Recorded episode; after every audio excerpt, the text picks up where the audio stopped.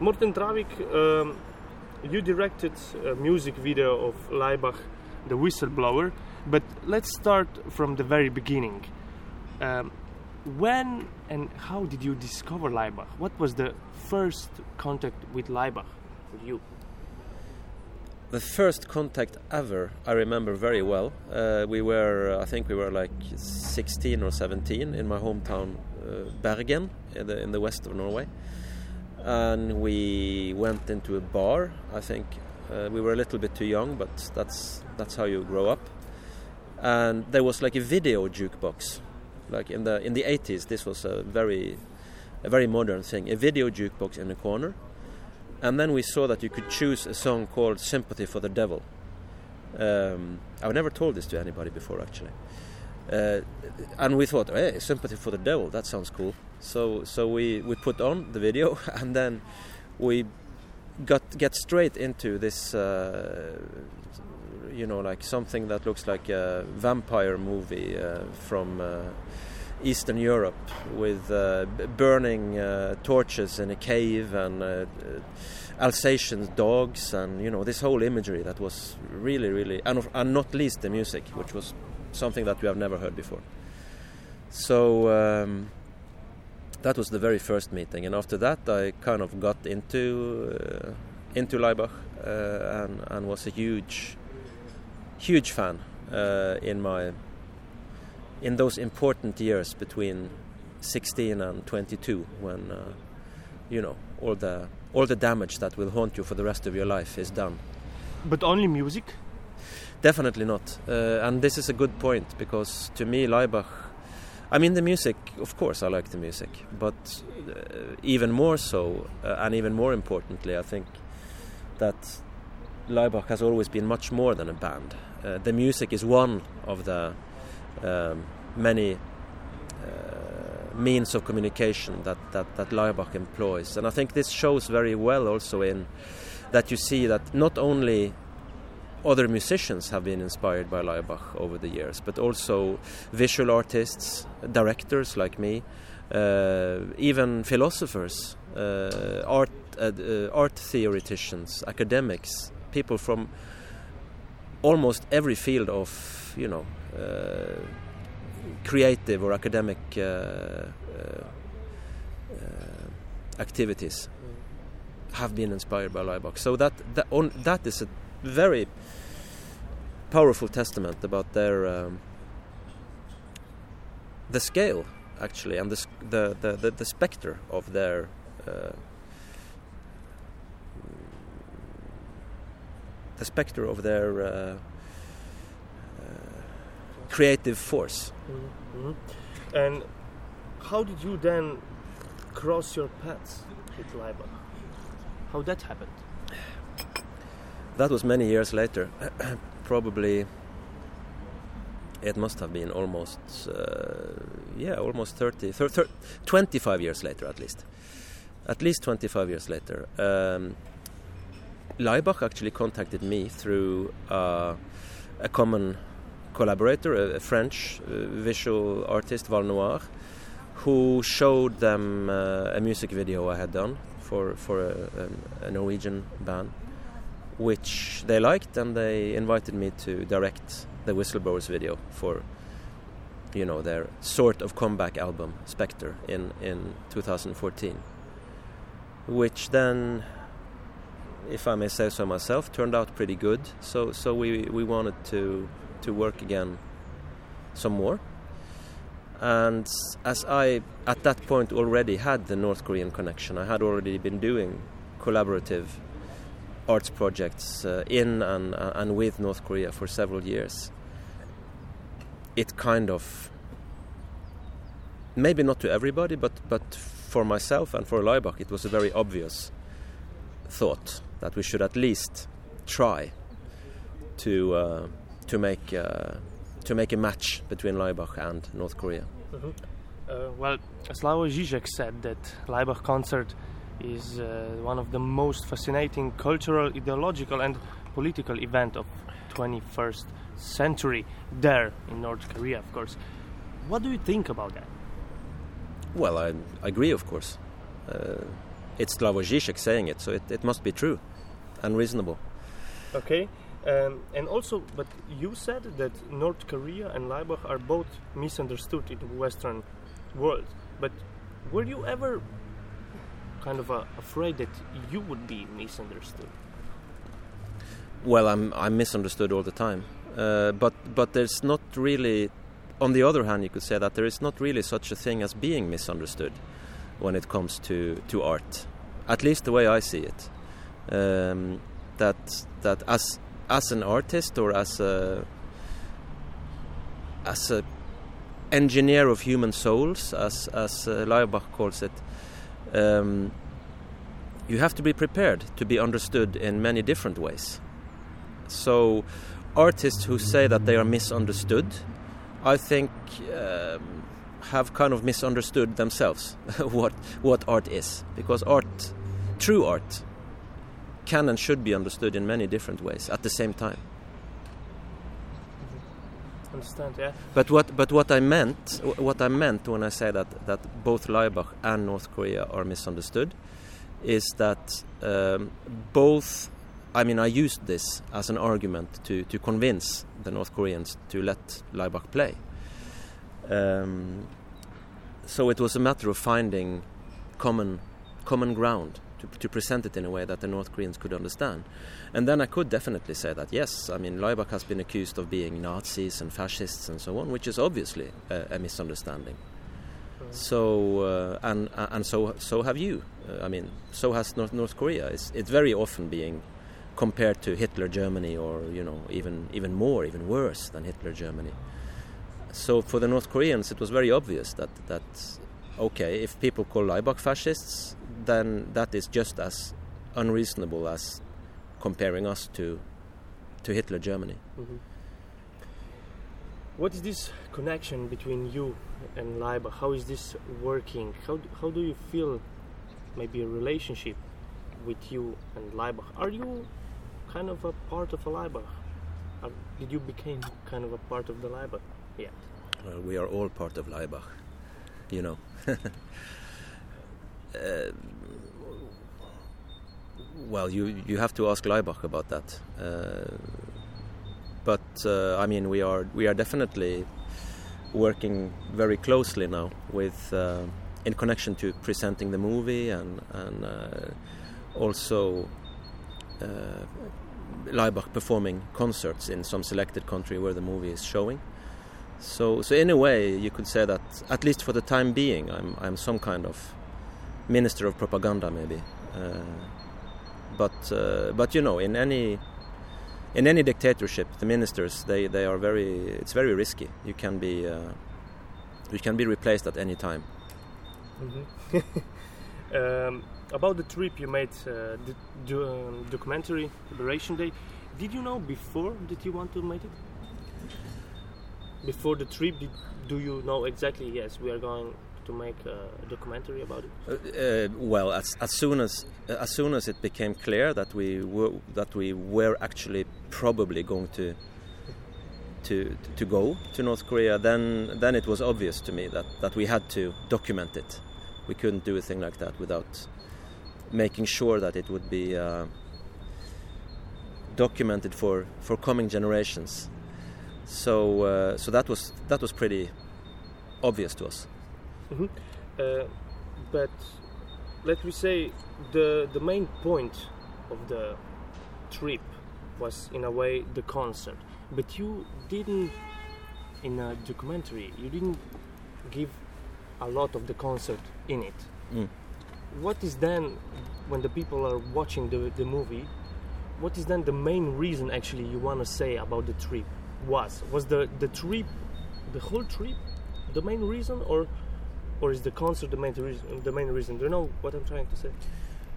I think so, and uh, I mean when when going through all our footage, when when uh, because that's where the that's where the real story is made. It's in the editing room, right?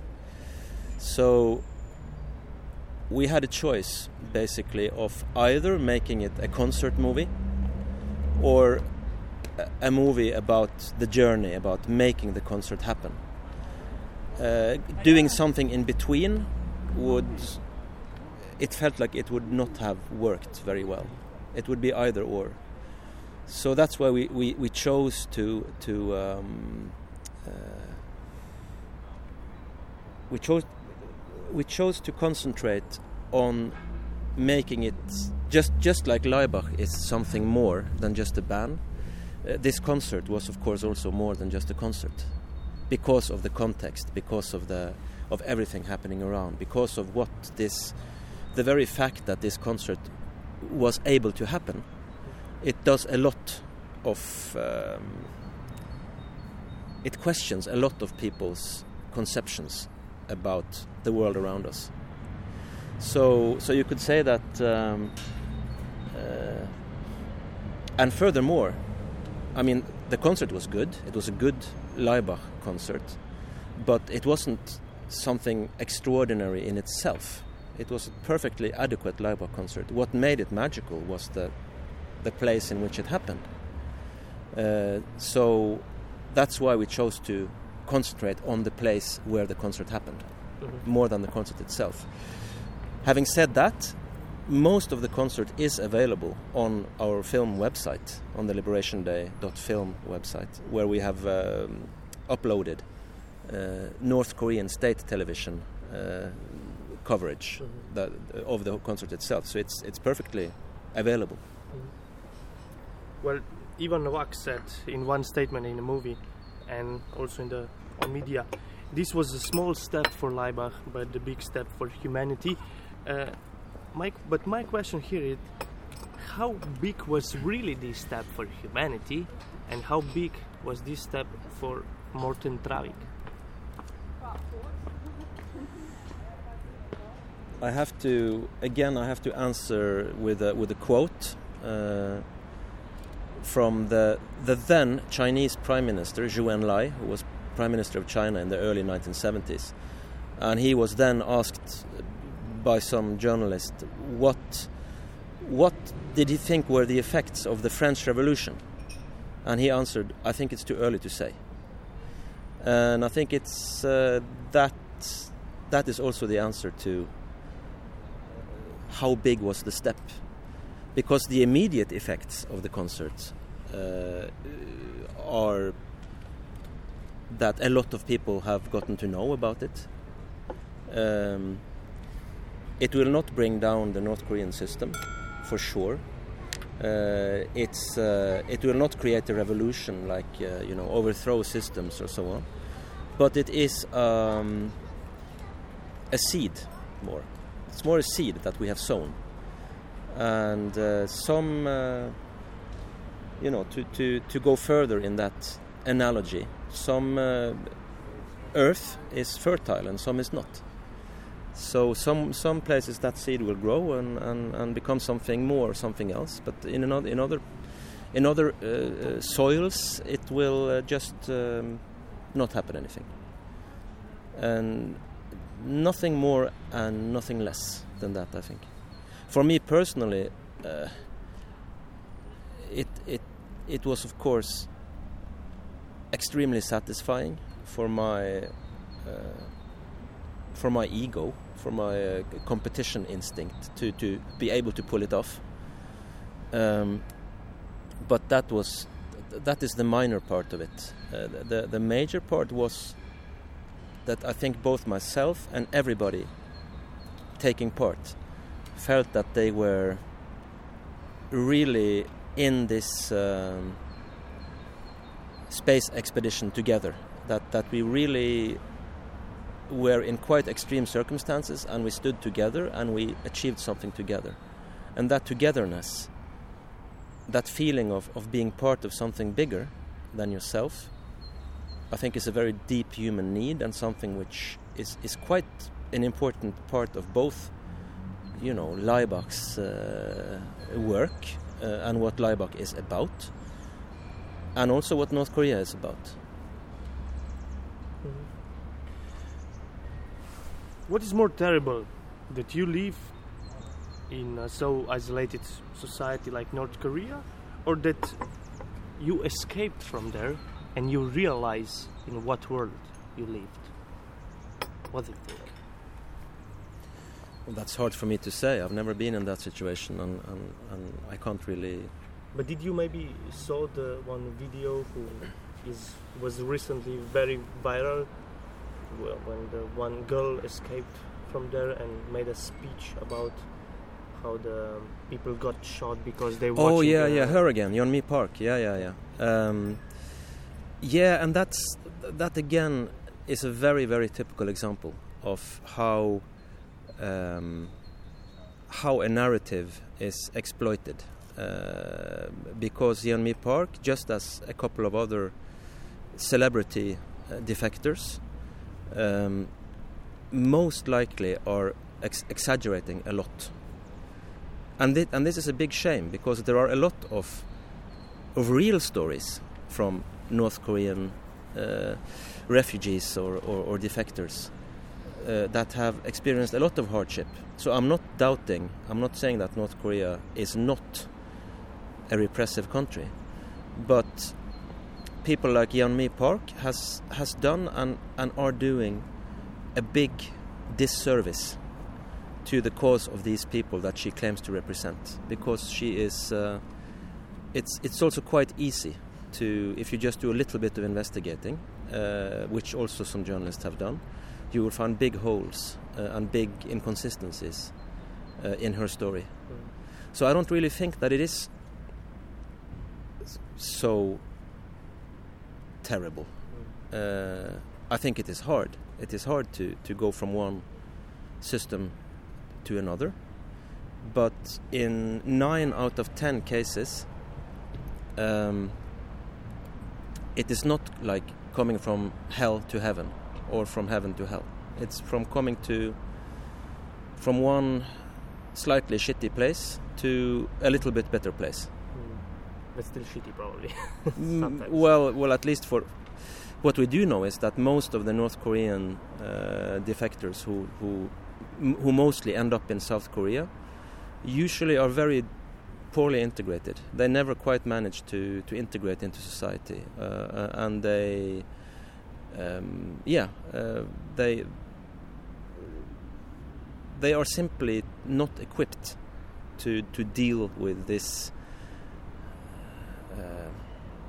chaotic uh, freedom of choice, indivi- individualistic uh, culture that South Korea is much more a part of. Were you ever afraid of authorities in North Korea? Not so much for my own part, but definitely on the part of my North Korean collaborators. Um, unless you are an American, uh, which, in which case, if you do something stupid, you might be used for, you know, as a pawn, as a kind of a hostage in the bigger political uh, game. But if you are not, uh, and again, unless you do something really, really stupid, like uh, showing your ass to, to a Kim Il sung statue or handing out uh, leaflets uh, about making revolution or whatever. Um, the worst thing that can happen to you is that they will they will put you in your hotel room and ask you to stay there until the next plane out. So that's that's basically not so much to be afraid of. But for those who I call the real heroes of this story, my North Korean friends and and I would even say almost brothers because we've been through so much together. They are like the the ones who who really are risking something more than just a little bit of uh, you know being criticized on Twitter or whatever. And and and that is that is also one of the most yeah it's something that we should keep in mind. Let's say, what kind of music do you like? What are we are gonna he- hear first? Oh, I have to decide now. Yeah.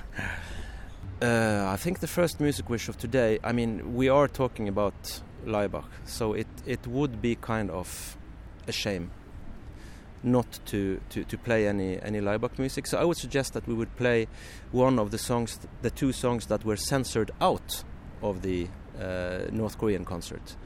We will go to Mount Paektu, which is Laibach's cover of last year's. Uh, oh no, sorry, which is Laibach's cover version, Laibach's censored cover version of 2015's biggest North Korean pop hit, We Will Go to Mount Paektu. Morten Traavik, Slovenian public now knows you mostly because of taking Laibach to North Korea. But you took world attention a lot before. One of your most controversial pro- project is a beauty competition, Miss of Landmine in Angola and Cambodia. Uh, can you tell tell us more about uh, background of these stories? Miss Landmine was, uh, as you say, it was a beauty pageant for women uh, injured by landmines, which I directed firstly in Angola in, in Southwest Africa in 2008, and the year after in Cambodia in Southeast, Southeast Asia. Um, and I mean, the the name says it all. It's a, it's a, it's a beauty pageant for, for landmine survivors. And um, what was quite interesting with both those projects was where that the the local communities, both in Angola and Cambodia, and not least the women themselves taking part, were very very supportive and very appreciative of the of the project, of being seen, of being heard, of of being allowed to to be beautiful. Uh, and most, and, and I would even say almost all, the, the criticism towards the project came from people in the West being morally uh, indignant on behalf of these people. Because, you know, implicitly that they would not be able themselves to think what is the best for them. Uh, and this I found very, really, really interesting. And, and this is uh, another example of of of um, a project where the outcome is something you couldn't really have planned or directed, but which adds another dimension to the to, to the whole thing, to the whole work. Because I could never have expected uh, so many um, aid organ- aid organizations and uh, Western feminists and so on to be so angry about this project when the uh, when the participants themselves were so happy about it. And that for me said something very very interesting about uh, the developed world's uh, attitude towards the developing world even you know when it's from a um, more or less uh, goodwill perspective. Even when we want to help, we are quite, we tend to be quite um, patronizing in our attitudes. Mm-hmm. And exposing that patronizing attitude uh, was for me unexpected, but but once you see it's there, it's it's, it's very very clear. Mm-hmm. You said that uh, art don't need to be moral, but what then art have to be? And what have to be moral? Artist? I don't think art has to be anything. Uh, I think it should be, but this is a matter of taste. This is a matter of my personal preferences. I think art should challenge something. Uh, it should risk something. Uh, it should risk uh, you should risk either your good name or uh, you know not not maybe not your life especially not somebody else's life if you have to risk a life it should be your own but uh, there should be something at stake uh, if you want to to do art which deals with political or, or, or issues in society. You know there is also very you know there, are, there is also fantastic art uh, and culture which does not um, you know there's also a lot of, of great art which is not political or, or not uh, dealing with uh, outside society. Uh, so yeah, I guess what should art be? It's a huge question, but one of the things I think that art should be is probably curious. Curious to to like questioning, curious, uh, playful. What have to be artist? Sorry. Artist who is making a, an art. Well, you know, I'm not I'm not really that that fond of the term artist in itself at all because it's it's so uh, it's been so much abused, uh, and also, at least if you prefer to be taken seriously, which you know some of us do, being called an artist is a little bit like being called a child or or uh, you know a little bit retard or uh, uh, it's um, one of one of the uh, there is the there is a Norwegian poet from my hometown who who quite famously said once that the the greatest tragedy of his career uh, was when he was awarded this very prestigious poetry prize uh, at a very young age. Because as he said after that nobody took me seriously anymore if you follow my thought. Then then you are a poet you're an artist and uh, you are placed in um, some kind of confinement with that. Uh, quite interestingly, most of the most of my work is more often being um, covered in the news sections uh, or in like foreign, you know, uh, foreign news or sections of the media than in the culture sections, which I'm really happy with because that shows that I'm not written off as as just um, you know some cute, cute, funny, eccentric artist. Your way of working is a hyper theater. Can you explain what that is? I can try. Uh, it's basically uh, a way of directing, managing reality to maybe expose the theatricality of uh, of everyday life, of public life, of political life. You know how many rituals, how many performances we, we conduct all the time, sometimes without even thinking twice about it, and amplifying that, magni- magnifying it, and putting a performance structure around it. So hyper, which you know comes from the meaning more than, or or uh, you know in in more than something. Uh, so it it means that it means theater, but more than theater. Just that, as you could call Laibach, maybe a, a hyper band. Mm. Yeah. I saw you're involving also your family into the project. Picture of your child. Um, taking them to the North Korea. How do you understand privacy? Um, how do I understand privacy? I think privacy is a possibility. Uh, I think you can choose it. Um, and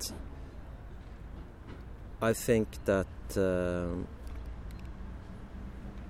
those times I have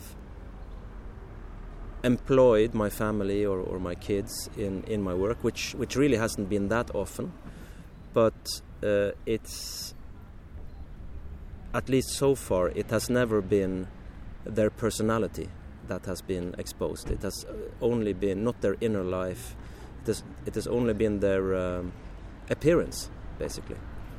Uh, so privacy is a choice, and or at least I think it should be a choice. So this is why I would, for instance, not use my my son's uh, thoughts about the world, or you know something uh, he has written uh, in his uh, little sketchbook or something, as it is in my works, because I think people should be able to choose themselves whether they want to be private or not.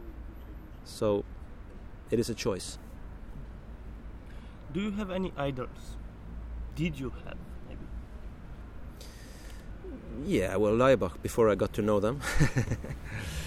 uh, I guess one of my well, it's it's very hard to have idols the the older you get. So I guess in, in some ways I'm I'm too old for idols now. Uh, and the only way I think to have an idol is to is distance. You have to have a distance to your idols. And as I am increasingly, you know,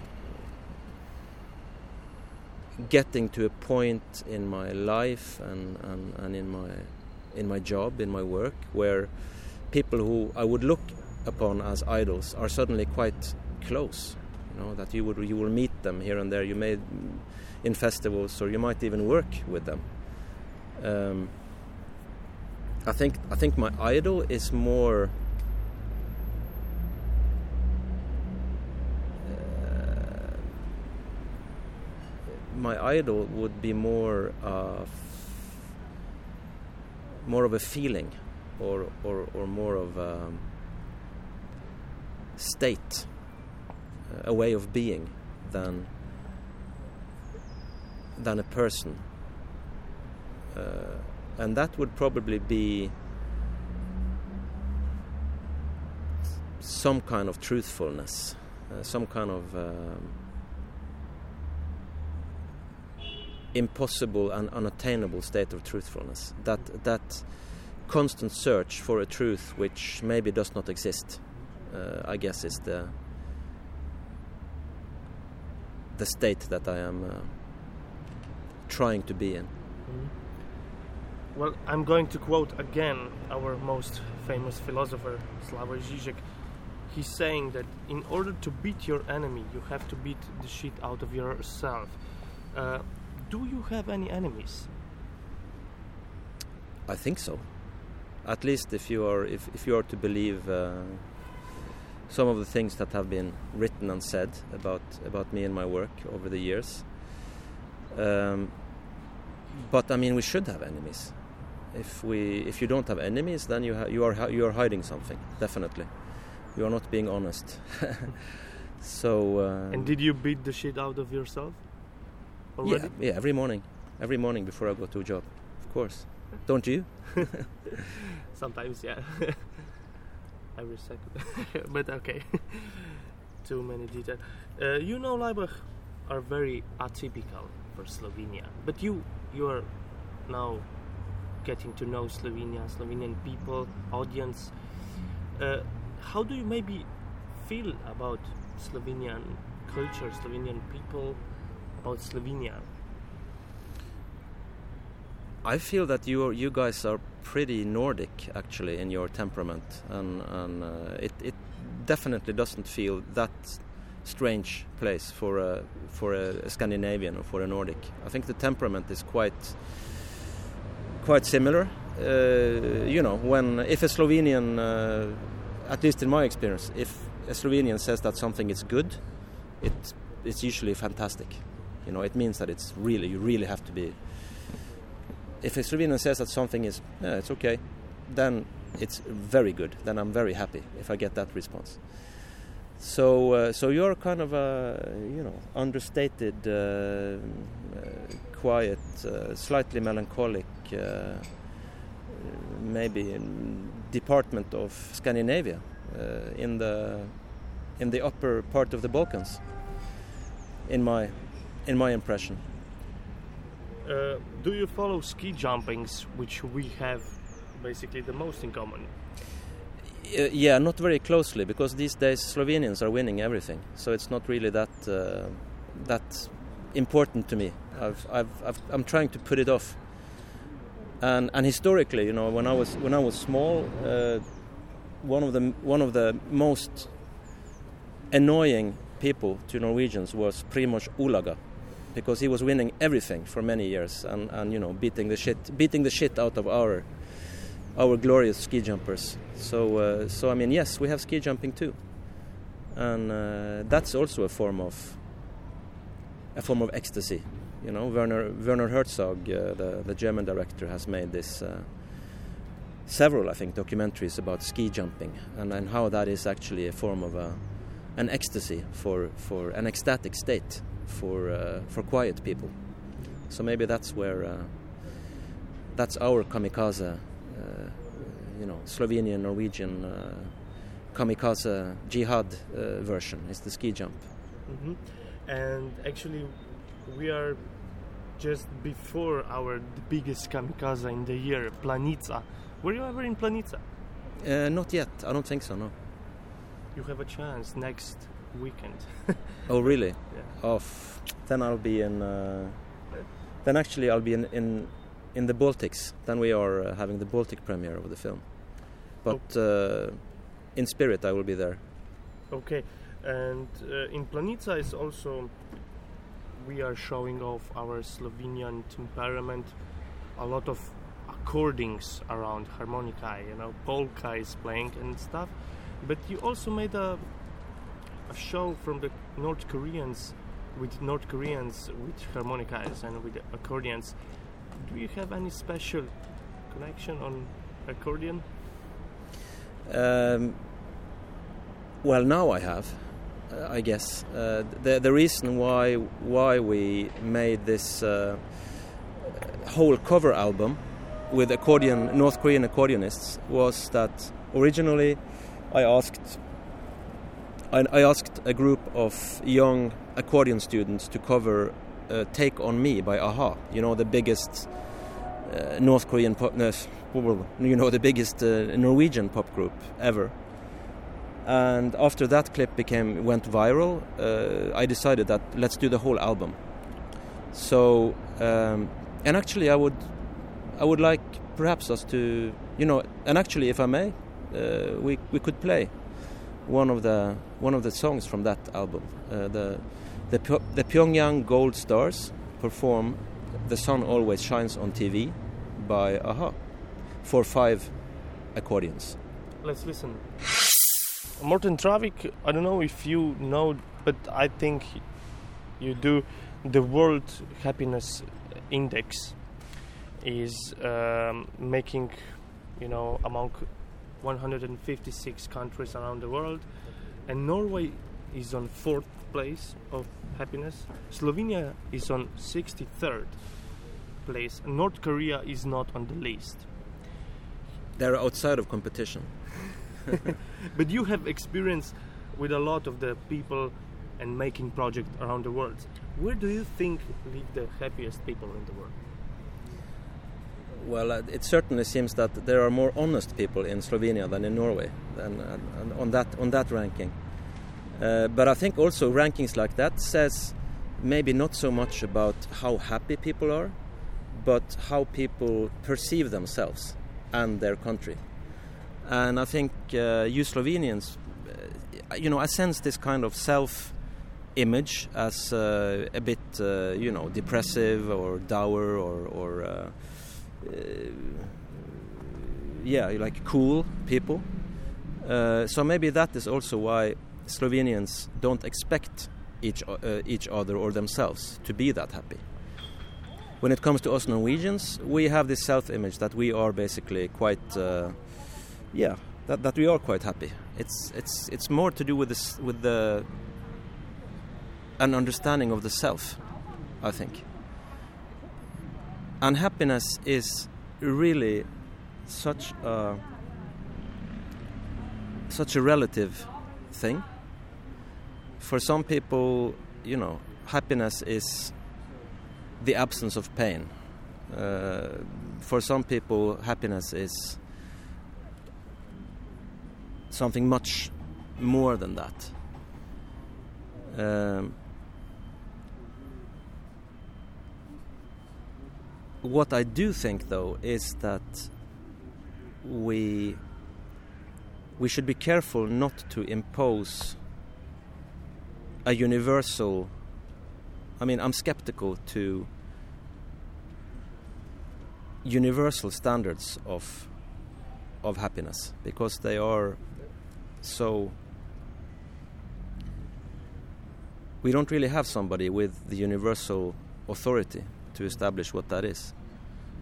Although, of course, I do not doubt for a second that um, if you if you add up the sum of material happiness and, and mental happiness together, then places like Norway or you know most parts of Europe uh, will score pretty high on on the, that that index. Um, but it's such a complex thing. There are so many factors at any given day or any given time that determine how and why we are happy. But I think actually this, I think actually that index, even though you are number 63, it probably says, like I said, it says something more on about how our nation look at themselves than about how happy they actually are. Because I was thinking about if we compare happiness, you know, from the Mr. Reed who saw the article in the newspaper after the concert, Mm. or happiness of Miss Landmine in Angola, or happiness of you when your son was born. Mm. You know, this is the different happinesses. Yeah? I don't know. Yeah, but I think uh, those three examples uh, would all uh, be a very, very intense form of happiness. Uh, what is the role of propaganda? So far, you experience very different kind of it. Is your work also one kind of propaganda? Uh, I think it is. Uh, it speaks sometimes the language of the propaganda. Sometimes it speaks the language of um, of uh, uh, popular culture, of commercials, of uh, of art itself, of visual arts. Um, it is uh, it is more of a of a chameleon, I think, or a, or a um, wolf in in sheep's clothing, a Trojan horse. That uh, I try to use forms and formats such as the beauty pageant or the rock concert. You know that that these common denominators in in in our global popular culture as tools for uh, maybe smuggling in some uh, some viruses or some seeds that that might develop with time in people's hearts and minds. One of the most important role in propaganda has media, of course, uh, press, journalists. After Brexit, and especially after election of Trump in United States, traditional media is in a big crisis. Journalists has been attacked by the most influenced leader in the world. How do you see nowadays media, and where is the most important role of it? Well, first I have to say that that I kind of take issue with. I'm kind of skeptical towards this whole fake news hysteria, which because that's what it is. It's it's a hysteria. It's a hype. Uh, fake news is in itself, uh, in many ways, a fake news. It's it's like the AIDS scare of the 1980s. Suddenly, everybody are, are like terrified of, of this mysterious fake news that seemed to be invading everywhere and, and uh, uh, like infecting everyone. Uh, news have always been a bit fake uh, because news are made by people, and people are um, imperfect, and quite often people have their own agendas. Or work for for other people or institutions institutions that have their own agendas. So, you know, in uh, the question, what what role can media play? I mean, media is already playing the role of megaphone for not anymore only. Uh, you know, not not only dictators anymore. Now everybody can be a dictator in his own little uh, his, his own little uh, social media world, because everybody's got a got a megaphone now. Uh, and I'm I'm not sure how I'm not sure how good that is. Always. Uh, what is quite what what I, do find quite worrying is that actually there is a lot of bad reporting, a lot of lazy fake news, so-called fake news, and so on. But there is also a lot of real news, which are just as accessible as the so-called fake news. You just need to click your mouse a couple of times, and you can find even in a country, you know, on a country like North Korea, there is a lot of qualified, serious, uh, seriously researched information available. But you need to make the effort, and the um, the constant drip feed, or you could even say force feeding of information of any kind, not only news, but any kind, that we are, this bombardment that we are subjected to every day, makes us both more stressed and more lazy. We don't, we don't bother so much to, to seek out the truth, and we don't have the time uh, for more than that one click. So, at least at the moment, what role media is playing, I have to say, it's it really is. Um,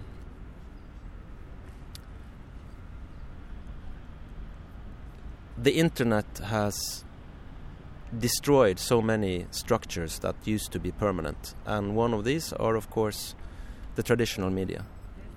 What will come if there, whether there will come a reaction to that, that that people will somehow feel the need for for uh,